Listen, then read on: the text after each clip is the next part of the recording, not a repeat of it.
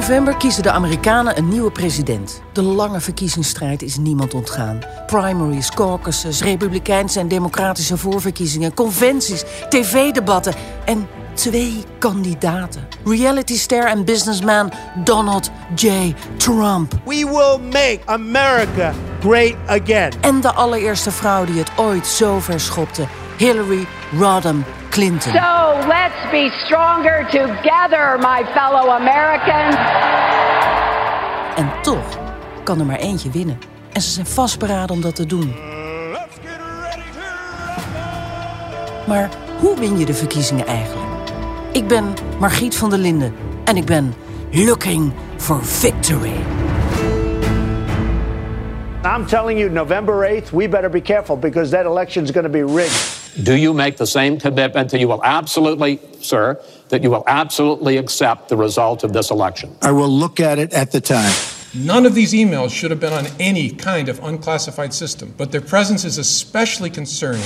I'm afraid the election is going to be rigged. I have to. Rigged, rigged. Ik weet niet of ik de uitslag zal respecteren. Oh ja, e-mails. Gedelete e-mails, nog meer e-mails, weer andere e-mails, die FBI. Ik ben gevlucht. Gevlucht voor een overdosis US elections. Alles kraakt en zucht onder de overkill aan nieuws. Non-nieuws vaak. Herhaald nieuws, rondgepompt nieuws. Nieuws dat als nieuws wordt gebracht, maar al maanden oud blijkt te zijn. Ja, en dus ook de Oktober Surprise. There's breaking news we're following, important breaking news. The FBI Director James Comey has just sent a letter to the eight chairmen of the Senate and House committees who have been investigating the Hillary Clinton email scandal, in which he says there will be a new investigation. Het konijn dat een campagne als laatste tik voor de knockout uit de hoge hoed haalt. Deze keer dus in de vorm van een FBI-directeur die, terwijl onduidelijk is wat precies, weer e-mails gaat onderzoeken. Die hoogstwaarschijnlijk, want ja, natuurlijk hebben we het over haar, niet eens van Hillary Clinton zijn. Maar zouden zijn aangetroffen op de, blijf er even bij nu, op de laptop van Anthony Weiner, die sinds een paar maanden de ex is van Huma Abedin. Weet je nog? De Shadow, de personal assistant, al jaren van Hillary Clinton. Dat de FBI überhaupt aan de laptop van Wiener zit, heeft te maken met zijn hobby. Het sturen van foto's van hemzelf in onderbroek naar vrouwen. Met in die onderbroek onmiskenbaar een hard latje. Dat kostte hem al eens zijn carrière, maar omdat Wieners hobby hardnekkig bleek en ook een beetje ranzig, omdat op een van zijn laatste selfies het zoontje van hem en Uma ook in bed lag, bleef het niet bij een scheiding en gegniffel. Er kwam een onderzoek. En door dat onderzoek stuitte de FBI mogelijk op e-mails. Enfin, zal deze Oktober Surprise Hillary Clinton vloeren en vier jaar Trump mogelijk maken? Het is wel interessant. Ook interessant, wat is dan de rol, zou je kunnen zeggen, de politieke inmenging van de FBI geweest? De suggestie mag duidelijk zijn. The process is rigged. This whole election is being rigged. It's rigged. Rigged. Het favoriete woord van Donald Trump. Zal, denk ik, dan ook het vocabulaire van Clinton binnendringen? Of komt dit alles door de over de kook geraakte lengte van de verkiezingscampagne? Ik geef toe, in mijn geval nog eens extra in de fik gezet door de Floridaanse zon. Florida, een staat waar, dat is ook wel bekend, het jaar 2000, het totale miskleunen met die stemmachines en met de biljetten, als een koortsdroom in de hoofden van de leden van de kiescommissies en de autoriteiten zal verschijnen. Nou, wat nou Oktober Surprise? Het early voting is tenslotte ook al lang aan de gang. Nog voor de rest van de laptop van Anthony Weiner interessanter bleek dan alleen die plaatjes van hem in die sneuwe sloggy, hadden behoorlijk wat Amerikanen al hun stem uitgebracht. Bovendien, zo bleek uit de polls, oké, de laatste tijd kroop Trump misschien weer wat dichter tegen Clinton aan. Maar om nu te zeggen dat hij knock-out in de lucht hangt, of al daar is, nee. Maar ja, als alle stemmen duidelijk en netjes zijn uitgebracht en geteld, dan kunnen we natuurlijk, ja, maar wacht even, als alles netjes, overzichtelijk geteld, machines, computers, papier, de post, al dan niet doorgedrukte chats. Het systeem van stemmen in Amerika. Het vraagt om problemen. Broken ballots is de term die er zeker sinds 2000 door de chaos in Florida op is geplakt. En bedenk ook even dit. Niet alleen gaan de Amerikanen op 8 november voor het kiezen van een nieuwe president naar de stembus. Er valt nog een hele handel aan andere poppetjes te kiezen. Senatoren bijvoorbeeld. Ja, ik zeg het heel oneerbiedig, poppetjes. Maar ja, maar deze poppetjes zijn ook weer heel belangrijk voor de presidentiële poppetjes. En uiteindelijk voor de nieuwe president. En wat daarna volgt. Maken ze je of breken ze je? In Looking for Hillary dus de vraag: ja, hoe win je eigenlijk de verkiezingen met broken ballots? Donald Trump continues to claim that the presidential election process is rigged against him. This whole election is being rigged. That claim seems to be resonating with some voters. We know there's at least 4 million dead and ineligible voters on the voter rolls. It's rigged like you've never seen before. They're not normally that brazen, but they know the media is under their control, so they'd rather just have unified. That's unified fraud. Remember, it's a rigged system. It's a rigged election. So this is a real thing. Voter fraud is really happening. Yeah, it, it absolutely is happening. You know it, they know it, I know it, and pretty much the whole world knows it.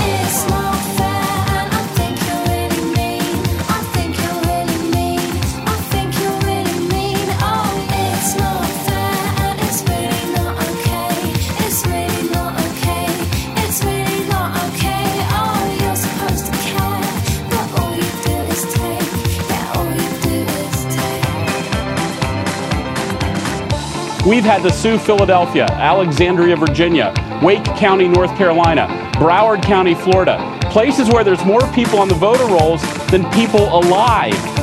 You see what's happening? The process is rigged. This whole election is being rigged. Where they are literally shaking like criminals, saying, The world is ours. We're taking over the legislatures. Nobody can stop us. What the Democrat Party has been about is voter fraud. Is voter fraud. Is voter fraud. It's not fair, and I think you're really mean. I think you're really mean. I think you're really mean. Oh, you're supposed to care, but you never make me scream. You never make me scream. Op 31 mei 1819 werd op Long Island, New York, in het gezin van boer en timmerman Walter Whitman en Louisa Van Velzer, een Nederlandse van origine, een zoon geboren. Walt Whitman. Walt groeide op in Brooklyn. Hij ging naar een public school en leerde daarna het vak van drukker, waardoor hij verliefd werd op het geschreven woord. Walt Whitman schreef de inmiddels wereldberoemde poëziebundel Leaves of Grass, die algemeen wordt gezien als mijlpaal in de Amerikaanse literatuur. Misschien als literatuur niet je ding is, of geschreven woorden in het algemeen, had je nooit van Walt Whitman gehoord. Wist je niet, voor zover dat belangrijk is, dat hij homoseksueel was, nooit bezit of rijkdom nastreefde, ondanks het feit dat hij door zijn werk als drukker, als oprichter van verschillende tijdschriften, de huizen die hij liet bouwen, best wel wat rijkdom vergaarde. Wist je bijvoorbeeld niet dat hij geen lid was van welke vereniging dan ook? Liever niet met gewone mensen omging, altijd vrolijk en optimistisch was. Ja, een aparte verschijning was. Groot, imposant, met een trage motoriek. En dat hij tolerant was en vrijgevig. Nee, dat wist je dan niet. Nou ja, heel veel van die dingen wist ik ook niet. Maar Walt Whitman heeft nooit geweten dat zijn Leaves of Grass in 1997 cadeau werd gedaan. President Bill Clinton gaf de bundel, die in de tijd van Whitman ophef veroorzaakte door de expliciete seksuele schetsen, aan Monica Lewinsky. Walt Whitman is ook de maker van het gedicht Election Day, November 1884. If I should need to name, O Western world, your powerfulest scene and show, 'twould not be you, Niagara, nor you, ye limitless prairies. Uit het gedicht blijkt dat Whitman heel erg van verkiezingsdag hield. Het spektakel van democratie. The stretch of north and south aroused, seaboard and inland, Texas to Maine, the prairie states, Vermont, Virginia, California. The final ballot shower from east to west. The De regendouche van stembiljetten van oost tot westkust. Tot, dichter Whitman, alle wonderen die het Amerikaanse landrijk is. Niagara Falls, de Mississippi River, de parken Yosemite, Yellowstone en de beroemde meren, de Great Lakes. Whitman schreef zelfs dat stemmen op verkiezingsdag groter was dan die natuur. Bij de ballot shower stel ik een ticker tape parade voor. De van oorsprong New Yorkse traditie waarbij tijdens een huldiging, het winnen van de World Series door de New York Yankees of nou ja, tijdens een staatsbezoek zoals in 1952, Juliana en Bernard overkwamen. Koningin Juliana en prins Bernhard zijn na hun aankomst overgestapt in de open auto van de stad New York, die bestemd is voor de grote intochten. En het wordt een grote intocht, geheel volgens de traditie van de stad. Een zegentocht die ongeveer 25 minuten duurt. Dan worden tijdens een huldiging vanaf de hoge gebouwen op Manhattan snippers en slierten papier gegooid. Wie omhoog kijkt, ziet een regendouche aan papier. Ja, die Walt. Een romanticus. Het is niet voor niets dat Bill Clinton Whitman's bundel uitkoos als kerstcadeau. Verkiezingen, het spektakel van de democratie. Het ging in de dagen van Whitman misschien dan nog wat anders met die papieren, die, die, die regendouche. Hoewel, het systeem sucks. Eigenlijk is de hele wereld sinds die tijd veranderd en verbeterd. Maar is er nog niet een oplossing gevonden voor het waterdicht krijgen van het stemsysteem? Ook niet sinds die dramatische verkiezingen van 2000.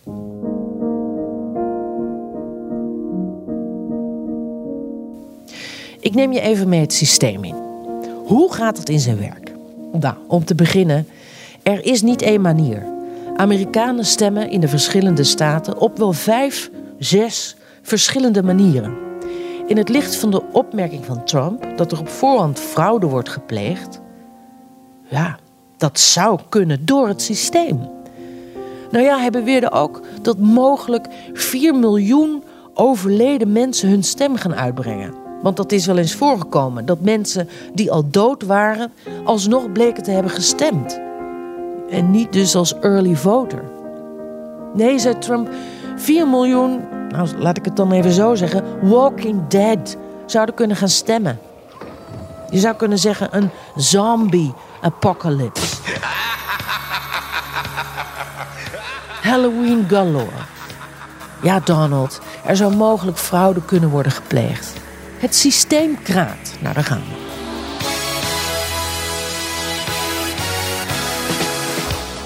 Je kan je stem uitbrengen door je biljet te scannen op het stembureau.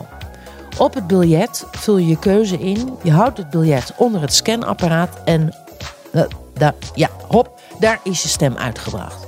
Voordeel, het papieren biljet blijft als bewijs ook achter. Mocht er iets zijn met de scan, met het apparaat, ja, dan is er altijd nog dat biljet. En ook nog de mogelijkheid om handmatig te gaan tellen. Dan is er elektronisch stemmen. Bij een apparaat dat eruit ziet als een pinautomaat. Met een touchscreen, ja, knoppen om in te drukken, waar je zelfs aan kan draaien. Het voordeel? Het is handig voor kiesdistricten met grote groepen anderstaligen. Want, net als met pinnen in het buitenland, je kan een taal selecteren. Groot nadeel, het elektronisch stemsysteem is zo lek als een mandje. Zat Clinton vanaf haar huiscomputer, classified, naar de halve wereld te mailen, wat een open deur had kunnen zijn naar kwaadwillenden, heb je even als het gaat om dit systeem. Hacks, zo wordt alom ook echt toegegeven, hacks zijn zo gedaan. En de oorsprong en echtheid van uitgebrachte stemmen Het is nauwelijks na te gaan. Het is vragen om ellende. Een tussenoplossing zijn de zogenoemde ballot marking devices. Een stem wordt elektronisch uitgebracht bij het apparaat, maar die markeert vervolgens de keuze op een papieren stembiljet. Ik heb er verder niet zoveel meer over te zeggen dan dat je afvraagt waarom het kennelijk dubbelop moet. Er is dus gewoon geen afdoende technologie. Nog altijd is het papier het sluitende bewijs. Nou, er zijn dus ook nog staten waar je alleen met je papieren stembiljet kunt stemmen. Met de o zo discutabele punchcards. Je weet wel, die half, niet of een beetje doorgedrukte gaatjes in de stemkaarten in Florida bijvoorbeeld. Je zou de blaffer van Sonny Crockett moeten gebruiken om er zeker van te zijn dat je stem duidelijk is. Nou, die punchcards belanden in een machine en die moet de gaatjes goed kunnen lezen. Dan zijn er de handmatig getelde stemvellen. Stem uitgebracht, alles in de stembus. Daarna gaan de leden van het stembureau handmatig tellen. Het schijnt nog altijd de meest betrouwbare manier te zijn. Vinden die luidjes dan zelf? Ja, op hun blauwe ogen en de verjaardagen van hun kinderen dan maar. Ehm, online stemmen. Je zou toch denken dat dat inmiddels. Ja, ja, het kan. De staat Alaska staat er toe, maar oh, oh, oh, wat een procedure. Een geregistreerde kiezer, want dat is sowieso, hè? Je moet je registreren als kiezer. Mag een elektronisch stembiljet aanvragen. Dan moet er een PDF worden ingevuld met daarop de keuze. Dan moet er, let op, in het bijzijn van een getuige een identificatiecertificaat worden ingevuld. Daarop kan de handel online terug worden verzonden via een Secure Delivery System. Ja, een Secure Delivery System. Maar de staat Alaska waarschuwt zelf al dat het systeem niet waterdicht is. Een stem kan verloren gaan.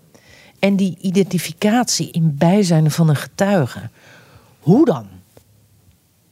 Dat zouden dus die 4 miljoen zombies van Trump kunnen zijn. Uit Alaska. Het systeem sucks. Vindt iedereen. Rigged elections. Het is een open deur, want echt, als je iets wil vinden, dan vind je het. picked up pretty quick. These things aren't going to slip by the, the election office, and they brought it to our attention. The elements of the crime were there, so she was charged. Afgelopen week werd in de staat Iowa een vrouw gearresteerd die twee keer haar stem probeerde uit te brengen voor Trump. Ja, uit angst, zei ze, dat haar stem door de rigged elections niet zou worden geteld. Het is zaak voor alle kandidaten goed uit te leggen dat je moet stemmen. De campagnes moeten in alle staten goed uitleggen hoe je dat moet doen. Ik, ik noem dat al early voting bijvoorbeeld. Het kan. Miljoenen Amerikanen hebben al hun stem uitgebracht. De experts bijvoorbeeld, weet je nog, Greg Shapiro uit Amsterdam. Dat early voten kan heel belangrijk zijn voor, nou bijvoorbeeld voor Clinton. Krijgt ze daar even de naweeën van Selfie King Wiener in de vorm van weer iets met e-mails op haar bord? Iedereen benieuwd of dit de kiezer zal beïnvloeden? Ja, nee, ja, een beetje. De polls kruipen wel naar elkaar toe. Wacht, early voting. Al voor de FBI het onderzoek aankondigde, waren al veel stemmen uitgebracht die, zo is de verwachting, naar Clinton zullen gaan.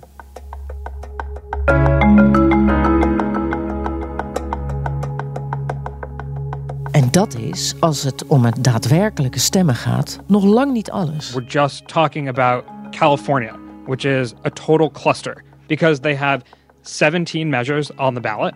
This year, their voter guide set a record for being 224 pages long.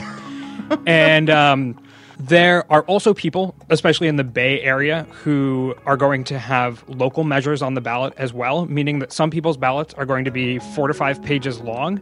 And in Santa Clara County, between the races and the measures, voters are going to have to make 129 decisions. November Er staat nog veel meer op dat stembiljet. Er staat nog veel meer op het spel. Kwesties die deze verkiezingen ook duidelijk moeten maken. En die niets te maken hebben met Trump of Clinton. Een paar kwesties. Marihuana bijvoorbeeld zal in tal van staten om medische redenen kunnen worden voorgeschreven en zal mogelijk voor klein recreatief gebruik worden gelegaliseerd in tal van staten. Het staat op de stembiljetten van Arkansas, Florida, Montana en het recreatieve in Californië, Maine en Massachusetts onder andere. Daar moet over worden gestemd, staat erop. Nog een leuke. De staat Oregon kiest hoogstwaarschijnlijk de eerste openlijk biseksuele gouverneur. So when your ballot comes in the mail, don't put it aside with the bills or bury it under a stack of menus. Open it up, fill it out, mail it in. This election couldn't be more important, and all of us need your voice and your vote to make sure Oregon continues to have real leadership in Kate Brown. Dat is Kate Brown. En zij zal daarmee de eerste openlijk LGBT op dit bestuurlijk niveau zijn. Over glazen plafonnetjes gesproken. In Indiana en Kansas stemmen de inwoners ook voor of tegen een grondwettelijk recht om te jagen en te vissen. Californië, Nebraska, Oklahoma stemmen voor of tegen afschaffing van, let op, de doodstraf.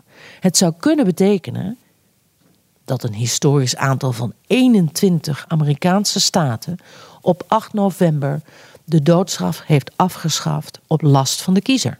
Dat zou kunnen. Het aantal republikeinen van Afro-Amerikaanse komaf zou in het Huis van Afgevaardigden kunnen veranderen. Van 2 tot 0. Ja, de twee afgevaardigden die er voor het eerst sinds 2014, nog niet zo heel erg lang geleden dus, zaten, dreigen hun plek, als we afgaan op de polls in hun thuisstaten, alweer te kunnen verliezen. Maar de eerste vrouwelijke senator van Latijns-Amerikaanse komaf zou voor de Democraten een feit kunnen zijn. En zo kan ik nog wel doorgaan met alle kwesties waar de Amerikanen ook nog hun stem over kunnen uitbrengen.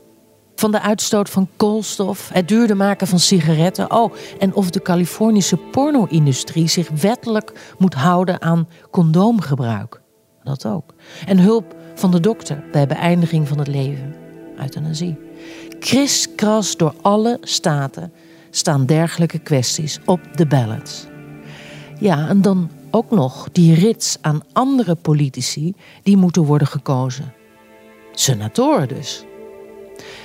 Het lijkt een redelijk anonieme en ambtelijke kwestie. Maar dat is het natuurlijk niet. Kleurt Washington blauw, democratisch, of blijft het voor het grootste deel rood?